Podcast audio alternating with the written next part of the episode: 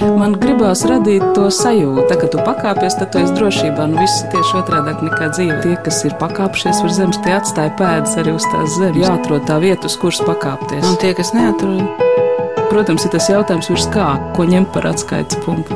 augstāk par zemi. Augstāk par zemi. Augstāk par zemi.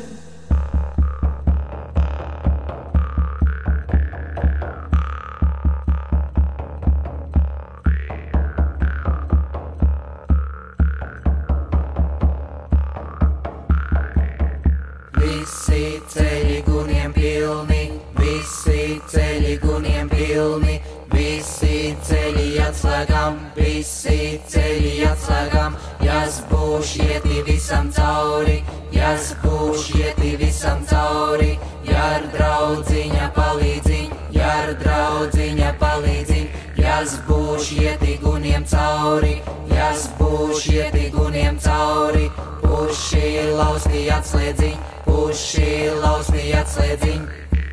Esiet sveicināti! Latviešu folkloras krātuvē ir kāda īpaša 150. kolekcija. Īpaša gan tāpēc, ka, ja parasti kolekcija folkloras krātuvē ir viens vākums, vai nu šo folkloras materiālu savākus kāda skola vai folkloras krātuves līdzstrādnieks, tad šai 150. kolekcijā ir materiāli no visas Latvijas, un tie ir vākti dažādos laikos. Gan tūlīt pēc Latviešu folkloras krātuves dibināšanas pagājušā gadsimta 20. gan arī atjaunotajā Latvijas valstī 90. gadu tautiskās atmodas pacēlumā.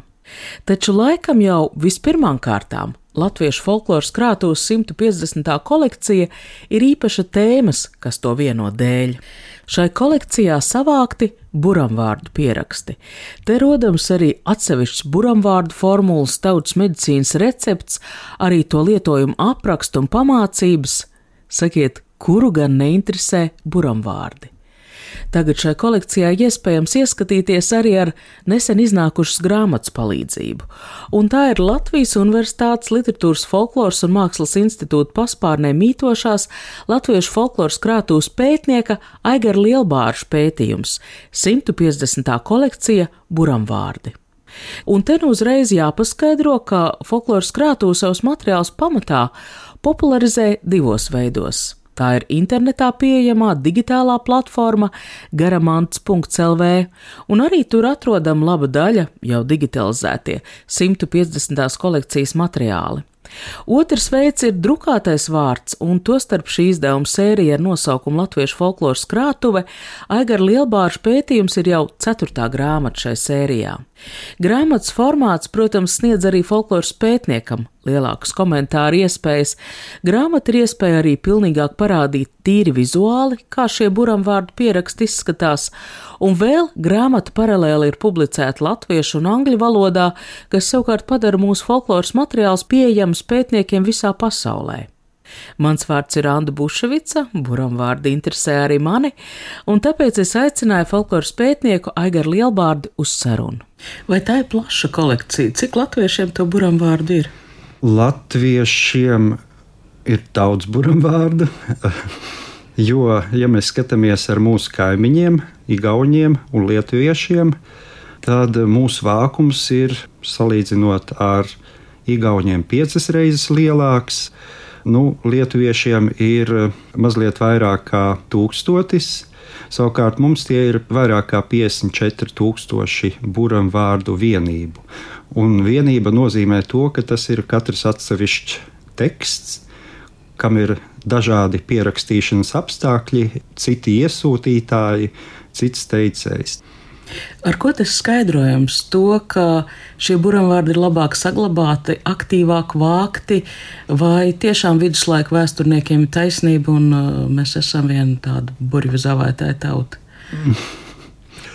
Es domāju, ka viduslaiku vēsturnieki šādu pieņēmumu varēja attiecināt gandrīz uz visām tautām tā laikā. Šeit uh, apstākļi, kas ir veidojuši vai noteikuši mūsu buramvārdu krājuma apjomu, lielā mērā saistīti ar vākšanu, buramvārdu vākšanu pagājušā gadsimta 20. un 30. gados pēc krātuves dibināšanas. Tāda latviešu folkloras krātuve ir dibināta 1924. gadā, un uzreiz pēc uh, dibināšanas arī sākās aktīvs vākšanas darbs, un tostarp arī buramvārdi. Vākšanā tika iesaistīti skolēni, mācību spēki, bija arī individuālie folkloras vācēji, jeb līdzstrādnieki latviešu folkloras krātuvi, kas visos reģionos vāca buramvārdus. Tas laikam arī bija tas laiks, ka šīs buramvārdu grāmatiņas, šie teksti, kas tika glabāti slepenībā nost no citu acīm, pēkšņi mainīja savu statusu, tie kļuva par kādu vistautas kultūras mantojumu.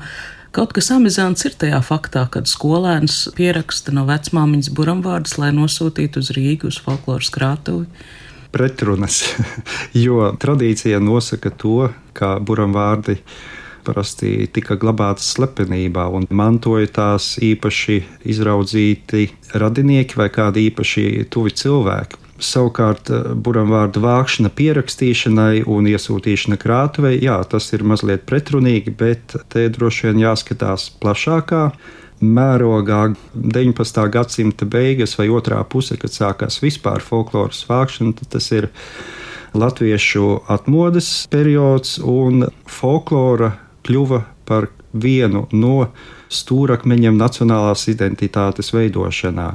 Arī Aigara Lielbāža pētījums sāks nevis ar rozes, vīveļu vai sāpju vārdiem, par tiem nākamajās nodaļās, bet gan ar stāstu par pašiem buramvārdu vācējiem. Jāsaka, ka tādu pētniecību, ko mēs saucam par latviešu folkloristiku, aizsāka tieši Fricis Brīvzemnieks. Viņš 1869. gadā no Maskavas, kur viņš bija iesaistījies latviešu biedrībās un aktivitātēs, un Rišāņa Valdemāra arī mudināts, viņš uzņēmās uzsākt latviešu garamantu vākšanu šeit Latvijā. Un tātad 1869. gadā viņš no Maskavas ierodas Latvijā un sāk vākt latviešu folkloru, lai to vēlāk publicētu Maskavā, dabas zinātņu un etnogrāfijas biedrības, ķeizariskās biedrības tādos krājumos. Jā, un brīvzemnieks ieradās Latvijā kājām, tātad pārsteigāja vai caursteigāja visu Latviju. Tas šis pats jautājums, vai viņam uzticēja buramvārdus? Brīvzemnieks bija diezgan ieredzēts Latvijā, Tajā laikā kultūras darbinieku nebija tik daudz. Viņi bija ļoti pazīstami un tāpat arī vēstulēs sarakstījās ar citiem šeit Latvijā dzīvojošiem kultūras izglītības aktīvistiem. Viņš arī iesaistīja un ieinteresēja citus vākt, un tā šie materiāli pamazām pēc tam arī tika piesūtīti viņam uz Maskavu. Un ar to buramvārdu vākšanu arī ir tādi daži stāsti, ko arī brīvzemnieks šī 1881. gada grāmatas ievadā raksta par buramvārdu vācējiem, ka viens no čaklākajiem vācējiem bija Jānis Pločkalns no Skrundes. Jānis Pločkalns bija jauns zemnieks, varētu teikt, tajā laikā progresīvi domājošs un arī savas citādi domāšanas dēļ nonāca arī Cariskās Krievijas cietumā. Un viņa māte apkārtnē bija izslavēta vārdotāja, bet viņa neprata rakstīt. Un kā viņa darīja? Viņa gāja pie apkārtnes citiem vārdotājiem, iemācījās buram vārdus no gāvas, Viņa savukārt izstāstīja citiem savus buramvārdus, notika tāda zināšanu apmaiņa. Un tad viņa pārnākusi mājās, nodiktēja savam dēlam Jānim buramvārdus, Jānim Pločkalam, kurš savukārt tos vēlāk arī nosūtīja brīvzemniekam uz Maskavu. Par šo buramvārdu apmaiņu jūs jau minat šo faktu arī Friča brīvzemnieka izdotās grāmatas sakarā. Tātad šī 1881. gada grāmata cilvēki to izmantojuši nu, izrakstīt no turienes buramvārdus nu, kā tādu zināšanu avotu, nevis varbūt vēstures pieminekli. Brīvzemnieks pēc grāmatas publicēšanās uz Latviju čaklākajiem folkloras pierakstītājiem atsūtīja grāmatas kā pateicības.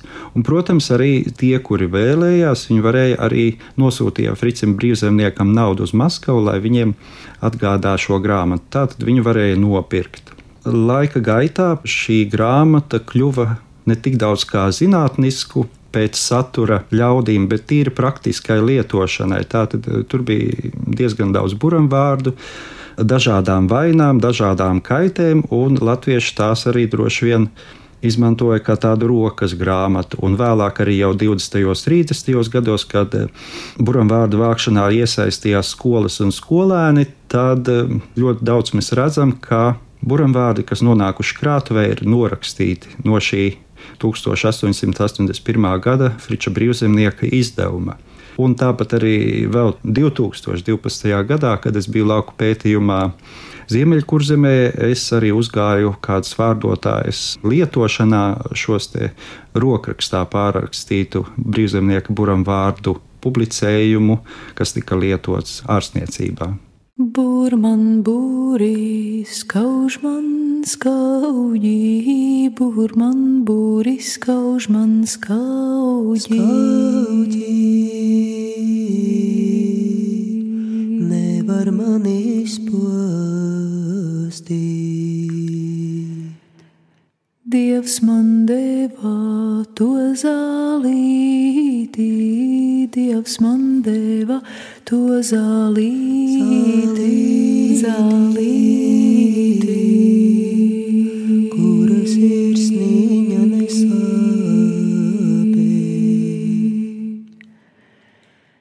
Avotāji guni kuru, avotāji guni kuru,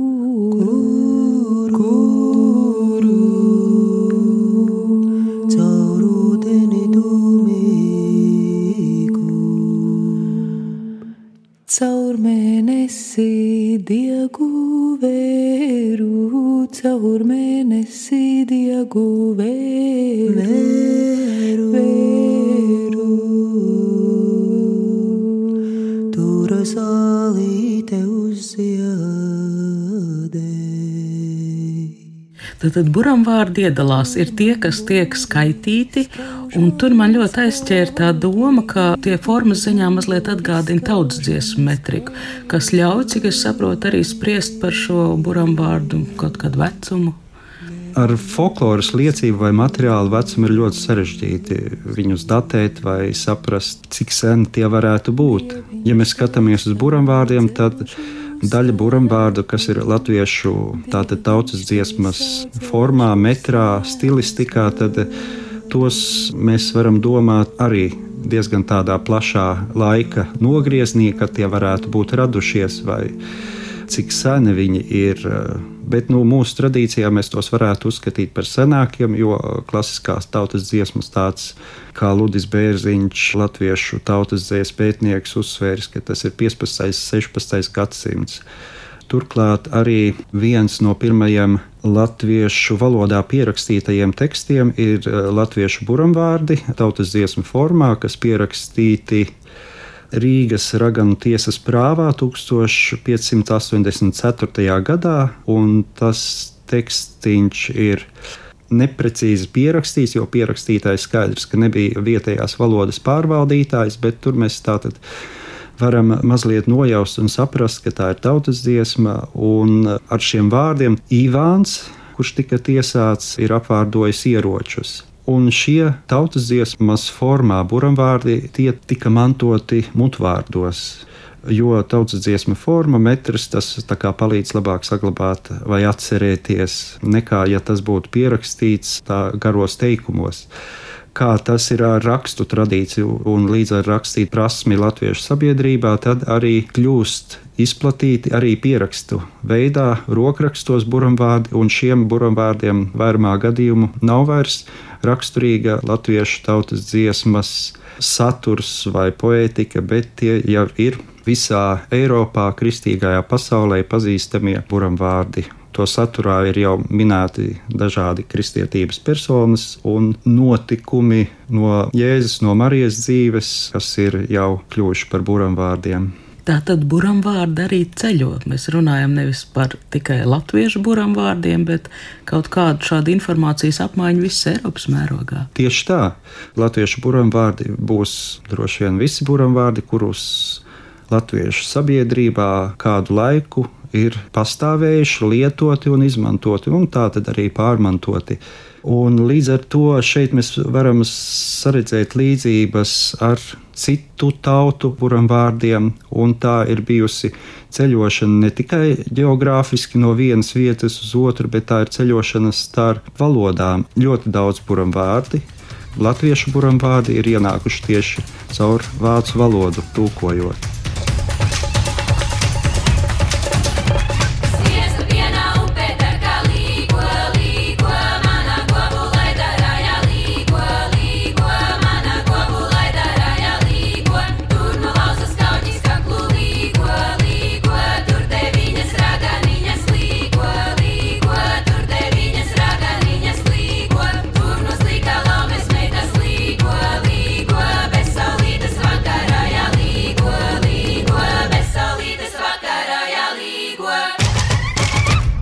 Nu, kaut kas jau tajās tautas dziesmās, arī tajās nevainīgais, kas nav buram vārdi, ir. Vai tas ir šis suģistējošais ritms, vai reizēm tas vienkārši ir ļoti skaisti. Folkloristikas vai folkloras vērtību, šo seno pierakstu vērtību arī ceļ tas, ka tie ir bagāti ar dažādiem dialektismiem, senvārdiem, kurus nereti mūsdienās mēs vairs neatpazīstam jo sen jau tāda parādība vai lieta, vai šajā gadījumā slimība vai kaite, ir zudusi vai nosaukta citādi. Šajā grāmatā ir Annas Bērskalns aicinājums, kam būtu jāpievērš uzmanību vācot uh, buram vārdus un dažādas slimību apvārdošanas vārdus. Viena no tēmām, ka viņi iesaka pievērst uzmanību slimību nosaukumiem, kā tiek aprakstīta slimība. Un daži nosaukumi, man liekas, jo tā jau ir tāda liela prasme, ej nu un izstāst doktorim, kā tu jūties. Un te bija piemēram atsap sirdi un tam līdzīgs. Domāju, reizēm tik precīzi var to sāpju veidu aprakstīt darīt. Latviešu folkloras krātuvē, ja mēs uzskaitām buram vārdu korpusā, cik ir dažādo vainu vai kādiem mērķiem lietoti buram vārdi, tad tie ir vairāk kā 190 dažādas grupas. Varbūt pazīstamākie asins vārdi, rozes vārdi, vīveļu vārdi, liesas vārdi, bet arī tādi mazāk pazīstami jau cirksts vai ķerksts vai spiedējs, dūrējs dažādo buramvārdu daudzumu, dažādiem mērķiem vairojas arī tas, ka vienai kaitei var būt dažādā vietā cits nosaukums. Tāpat arī zināšanas, piemēram, par vīvelēm un liesu. Domājams, 19. gadsimtā cilvēki, kas nebija varbūt apguvuši kādas īpašas ārstniecības zināšanas vai vetārsta zināšanas, tad šīs kaites arī bija grūti atšķiramas. Un tad, kad mēs eh, jau pievēršamies šiem pierakstītajiem buramvārdiem, man šķiet, ka tie ir arī lielā mērā veidojuši to milzīgo respektu pret vārdu un izpratni par grāmatas vērtību. Jo man arī ar kristīgajiem tekstiem nācies piedzīvot to, ka ticīgais uzskata pašu grāmatu par svētu.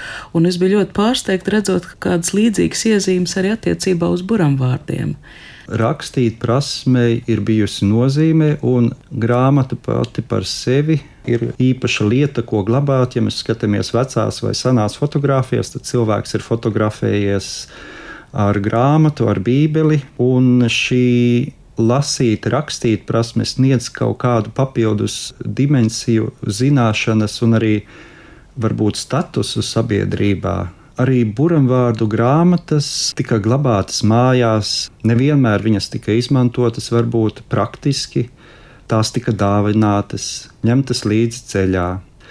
Šajā 150. kolekcijā ir nonākušas roku rakstītas grāmatas, neliela formāta, dažāda apdare, koka vāki, varbūt ādas apdare, vai vienkārši kādas lapas ar vai bez rūtiņām sašūtas kopā.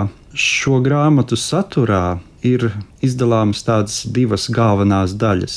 Viena ir debesu grāmata, otra daļa ir tātad pierakstītie buramvārdi. Šīs debesu grāmatas arī ir latviešu kultūrā ienākušas tukojot no vācu valodas, tas sākot jau ar 17. gadsimtu, bet tādu popularitāti vai ziedu laiku piedzīvo domājams 19. gadsimts, un debesu grāmatas pēc satura ir kā aizsardzības līdzeklis, jo minēts, ka tās nonākušas no debesīm, tās nonesis eņģelis Miķelis un devis cilvēkiem.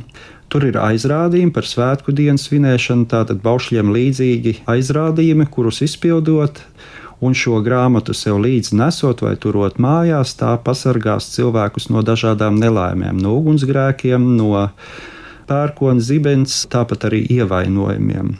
Debesu grāmatas, tām veltīta atsevišķa nodaļa Aigara Lielbārža pētījumā.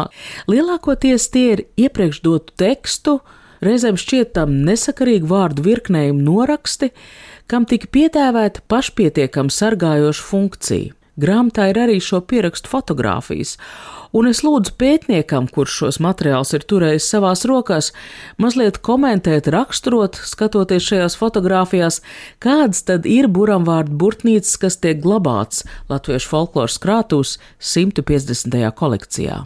Nu, šeit, piemēram, ir kaut kas izdedzis vai karstums bijis virsū.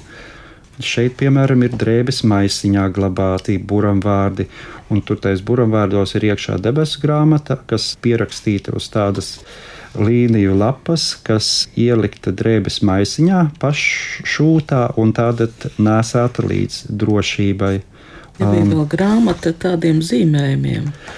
Tas ir savukārt no valsts bibliotēkas, tās ir mūzus grāmatas arī kas viņiem ir iesniegtas, bet pie mums krātuvē viņas nonāca kā kopijas, tātad no bibliotēkas valsts. Tā ir 6. un 7. mūzes grāmata, kas uh, arī tātad varētu teikt apokrifisks vai īsti nepastāvošas grāmatas vai tādi maģijas līdzekļi, bet uh, tāpat viņi pastāvēja un cirkulēja kā maģijas līdzeklis zināšanas Šīs grāmatas ir ļoti dažādas, ļoti dažādiem rokrakstiem, ļoti daudzas apdrupušas, cietušas, dažādā veidā vai ceļos tās nonākušas latviešu folkloras krātuvē, piemēram, kāda buramvārdu grāmatiņa atrasta uz krustcelēm Valmieras apkārtnē, tad tas, kurš atradis, iedomājies to atsūtīt uz latviešu folkloras krātuvi. Tāpat arī debesu grāmatas pierakstītas un buramvārdu pierakstīti atrasti sauļu mūžas paspārnē vai baznīcas bēniņos. Tātad ļoti dažādās vietās tie ir glabāti droši vien arī aizsardzībai, lai pret uguns nelaimēm, ja tas ir jumta paspārnē. Debesu grāmatu izcelsme pētījumā ir atsauce uz grāmatniecības vēsturnieku Jānu Misiņu, redušās 6. gadsimtā un saistāms ar kristietības izplatību.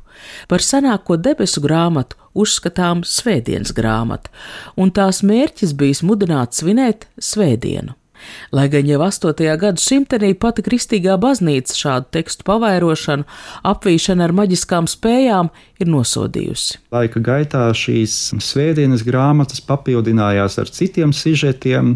Šobrīd mēs varam izdalīt vairākus tipus, piemēram, Miķeļa grāmata, tātad Miķelis to nonesis no debesīm, vai tā ir Londonas grāmata. Londonas grāmata ir tā, kas tūkota latviski Londonā, tāpat arī Kārļa Keizara grāmata.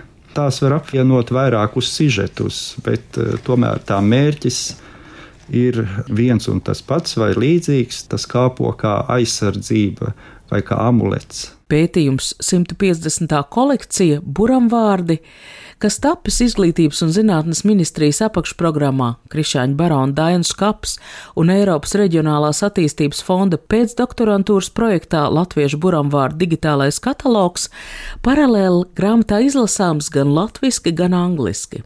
Tulkotāji ir Inta Gāle Karpentere, folkloras pētniece no Indiānas Universitātes Bloomingtonā, Amerikas Savienotajās valstīs. Jūs ar Intu Gāles Karpenteru tulkošanas laikā sazinājāties? Es prātoju, ka tas varētu būt ļoti sarežģīti šos buramvārdus angliskot. Mēs jau esam kādu laiku, varētu teikt, no 2006. gada pazīstami. Pašā grāmatas tulkošanas sākumā es nonācu ASV, Šī grāmata ir tapusi arī pēcdoktorantūras projektā Latviešu burovārdu digitālais katalogs ietveros, un tad man bija paredzēta vizīte ASV, kur es arī satiku Intu, un tad mēs arī uzsākām jau grāmatas tūkošanu. Protams, nebija viegli, jo tur ir ļoti dažādi teksta īpatnības, buramvārdu īpatnības, nesaprotamība un tā tālāk. Un tas bija tieši laiks, kad es ierados ASV, sākās Covid. Es nevarēju neko ilgi tur pabūt un uh, izpildīt visu savu iecerētu, un man bija jāatgriežas Latvijā. Tad mēs ar Intu sazinājāmies caur internetu, telefonā. Un, jā, Tas bija ļoti radošs, un es esmu ļoti pateicīgs. Grāmatas iznākšana Latviešu folkloras krātos 150. kolekcijai tagad nodrošinās plašāku pieejamību pētniekiem visā pasaulē. Ar ko tas varētu būt interesants šai plašākā kontekstā? Eiropā ir buramvārdu pētnieku biedrība, kurai interesējas un katru gadu rīko konferences tieši par buramvārdiem. Un zinot to, ka arī latviešu buramvārdi ir daļa no kopīga Eiropas buramvārdu telpas, tad arī latviešu buramvārdi, protams, ir saistoši citu valstu pētniekiem, jo tas ir salīdzinošs materiāls. Kad mēs varam salīdzināt vienā tradīcijā pastāvošus līdzīgus tekstus ar citās valodās esošiem tekstiem, un tādā veidā kaut ko redzēt paralēles vai izsekot tekstu ceļošanai. Lai bija vārdi, kam bija vārdi, man pašai stipri vārdi. Lai bija vārdi, kam bija vārdi, man pašai stipri vārdi. Daugā viņu noturēju,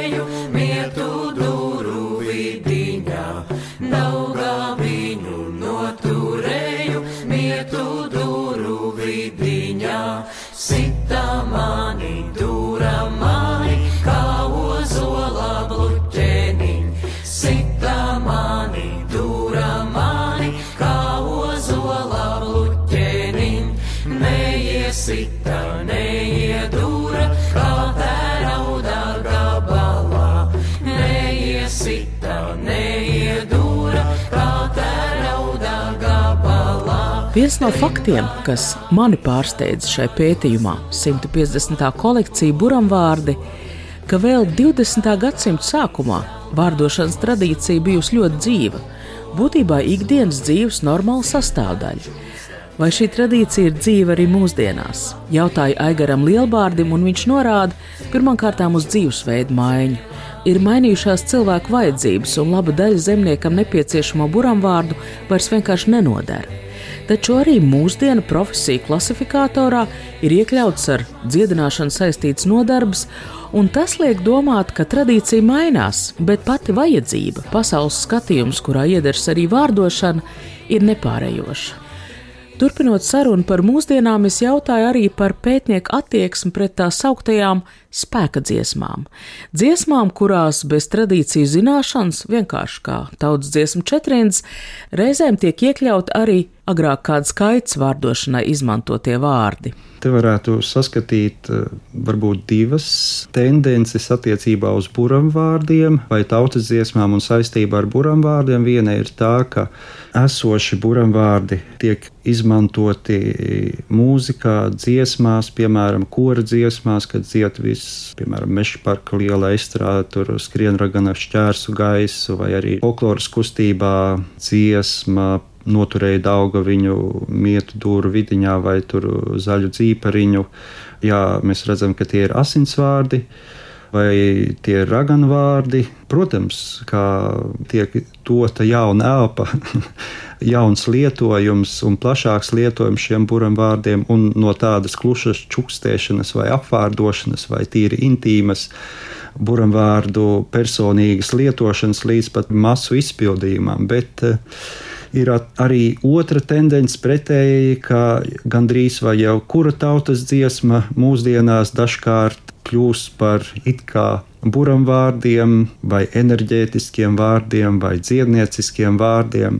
Šeit es drīzāk gribētu pieturēties pie tā, ka, ja mēs redzam, ka tie teksti ir kaut kad pagātnē vai tradīcijā lietoti kā buramvārdi, vai buramvārdus vācot, viņiem ir atzīme, ka tie ir buramvārdi, vai vēl papildus kāda kontekstuāla informācija, tad mēs varam teikt, jā, tie ir buramvārdi. Bet savukārt eh, ne katra tautas dziesma būtu vai ir buramvārdi. Protams, pēc nezinu, pāris paudzēm, ja šī tautas dziesma joprojām tiek lietota kaut ko apārstēt vai attīrīt kādu auru vai čakru, tad mēs varēsim teikt, jā, tie ir latviešu buramvārdi. Šai raidījumā dzirdējāt folkloras kopu un postfolkloras grupu grodi, īļi, baļķi un tautumeitas, izdziedāts, reizēm arī jaunradītus tekstus, kuros rodam līdzību ar buramvārdu tradīciju. Bet ar pētījumā Latviešu folkloras krātūs 150. kolekcija buramvārdi autoru Aigaru Lielbārdi sarunājās Anda Buševica par šī raidījuma skaņu gādāja Valdes Raitums. Tā kā tu pakāpies, tad tu esi drošībā. Nu, viss ir tieši otrādi nekā dzīve. Tas ir tā spēle, jā. Tie, kas ir pakāpšies virs zemes, tie atstāja pēdas arī uz tās zemes. Protams, ir tas jautājums, ko ņemt par atskaites punktu. Nē, nu, principā ir skaidrs, augstāk par zemi. Jāatrod tā vieta, uz kuras pakāpties. Augstāk par zemi. Augstāk par zemi. Augstāk par zemi.